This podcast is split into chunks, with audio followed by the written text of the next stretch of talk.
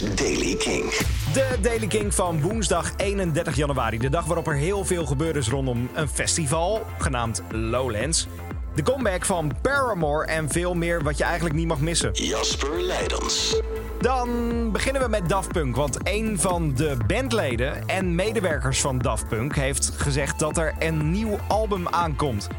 Er ligt namelijk een album dat bedoeld was als opvolger van het album uit 2013. De drummer van Daft Punk heeft gezegd dat hij daar nu een beetje mee bezig is. Hij was de laatste persoon die aan het werk was aan het album.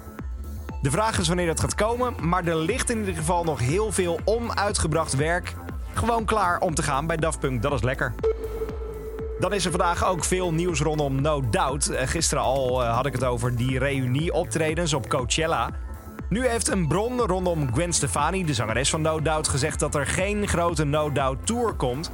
En dat heeft alles te maken met eigen solo-werk van Gwen Stefani. Ze gaat dus één keer optreden op Coachella. Dat is in april van dit jaar. Maar de rest van het jaar staat in het teken van haar eigen plannen. Dus mocht je gehoopt hebben dit te zien, forget it.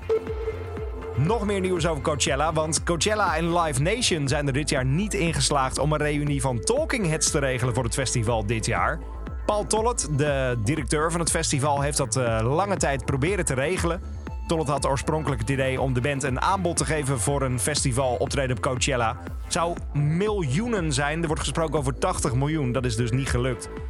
Uh, hij had zelf een evenement bijgewoond ter ere van de 40-jarige uh, jubileum van Stop Making Sense. Draait nu in de bioscoop. De band was daar voor het eerst sinds 30 jaar samen.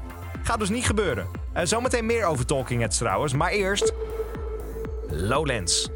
De organisatie van Lowlands, het grote festival in Biddinghuizen, heeft de eerste namen voor 2024 bekendgemaakt. En dat is een hele mooie rij met namen. Queens of the Stone Age, Inhaler en The Smile zijn enkele van de grotere namen die op 16, 17 en 18 augustus zullen spelen. Uh, andere augustus art, uh, artiesten op het festival zijn onder andere Idols, Soulwax, Spinvis, Fat Dog en University. De laatste zijn uh, trouwens King Future Icons, dus daar zijn we heel blij mee. Dan de lang verwachte comeback van Paramore. De afgelopen weken was er een beetje chaos rondom de band. Ze waren verdwenen van social media. Ze zouden overstappen naar een ander label. Ze zouden weg zijn. Ze zouden gestopt zijn. Ze hebben geen festivaloptredens gedaan. Nu is de band dan teruggekeerd met een cover van het klassieke nummer Burning Down the House van Talking Heads.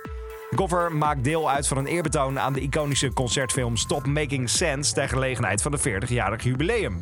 In de teaser voor de cover ontvangt zangeres Haley Williams een pakket met het iconische oversized pak van David Byrne.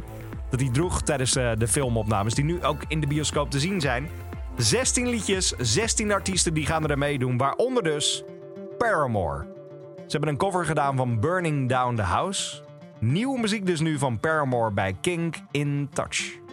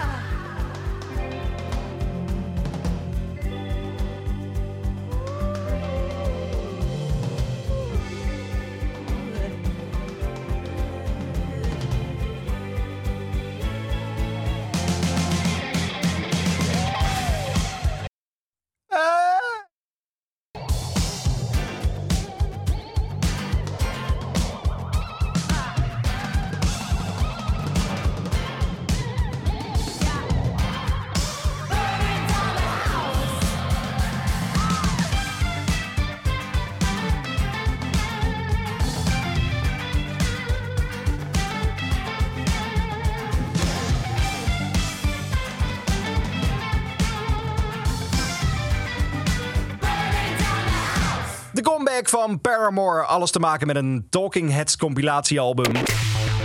Er komen veel meer mooie namen op te staan, waaronder namen die je wel vaker op Kink hebt gehoord. Blonde Shell, Girl in Red, de Linda Linda's, Lord en The National.